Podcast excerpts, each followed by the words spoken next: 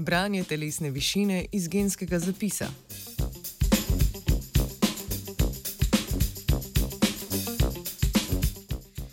Dobro jutro. Skupina znanstvenikov in znanstvenic v mednarodni zasedbi je ugotovila, da je sodobno statistično metodo možno na podlagi posameznikovega genskega zapisa predvideti kompleksne človeške lastnosti. V znanstvenem članku, ki je bil objavljen v reviji Genetics, so znanstveniki in znanstvenice pokazali, da je možno precej natančno napovedati tudi lastnosti, kot sta telesna višina in kostna gostota. Najbrž kostna.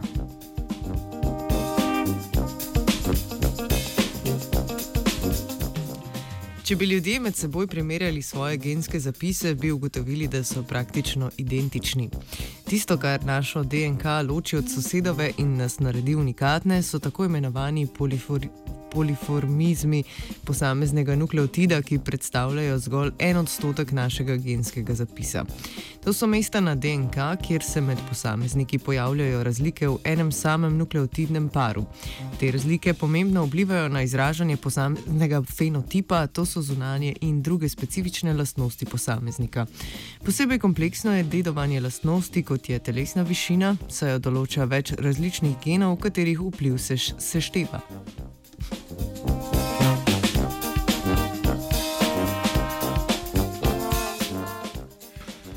Študija je potekala na genskih zapisih 500 tisoč posameznikov, ki so jih pridobili iz genske baze BioBank v Združenem kraljestvu. Za razliko od prejšnjih študij na človeškem genomu, v katerih so iskali povezave med posameznimi polimorfizmi in različnimi fenotipi, so v dotični študiji uporabili obraten pristop. Tokrat so namreč na prvi pogled nekoliko preveč optimistično lotili predvidevanja zunanih lastnosti na podlagi prisotnih polimorfizmov v genskem zapisu osebka.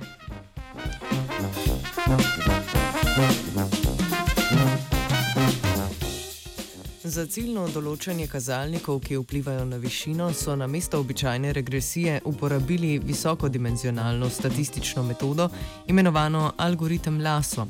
S tem se je močno zmanjšalo število polimorfizmov, ki pomembno vplivajo na višinske razlike med posamezniki.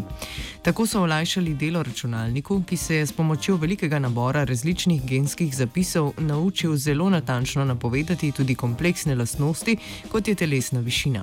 Če dosežena korelacija med predvideno in dejansko višino s prejšnjimi metodami nikakor ni hotela preseči vrednosti nič cela 50, je v dotični študiji po zaslugi izboljšane statistične metode znašala kar nič celih 65.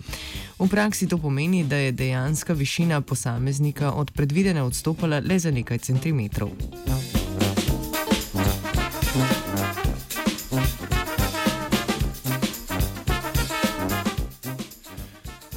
Če tudi vi že na vse zgodaj mrščite obrvi in se upravičeno sprašujete, zakaj napoved telesne višine predstavlja tako pomembno prelomnico v genetiki, Naj na tem mestu razjasnimo, da imajo rezultati študije seveda tudi širši kontekst. Predstavljena statistična metoda bi namreč lahko na podlagi genskega zapisa zelo uspešno predvidevala tveganje posameznika za specifične bolezni, za katere že vemo, da so dedno pogojene.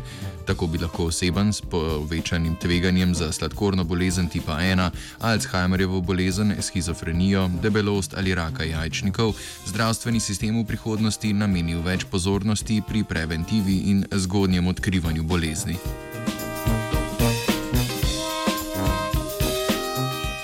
Centimetrov ne šteje Andreja. Three, two,